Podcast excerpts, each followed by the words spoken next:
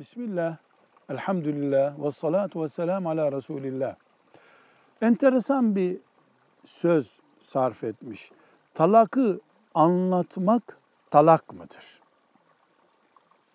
Mesela erkek hanımına seni boşadım, sen boşsun dediğinde bu bir talaktır yani kadın boşanmıştır.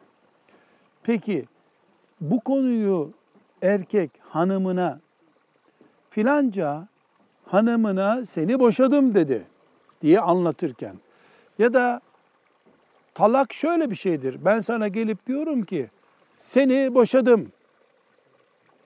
Bu talaktır işte diye bir ders veren biri gibi, anlatım yapan biri gibi hanımına bu sözü söylemiş olunca talak olur mu? Olmaz. Çünkü talak niyetle geçerlidir. Yani karşıdaki insana, eşine ben seni boşadım sözünü söylemeyi veya onu yazmayı, altına imzalamayı düşündüğün zaman talak gerçekleşir.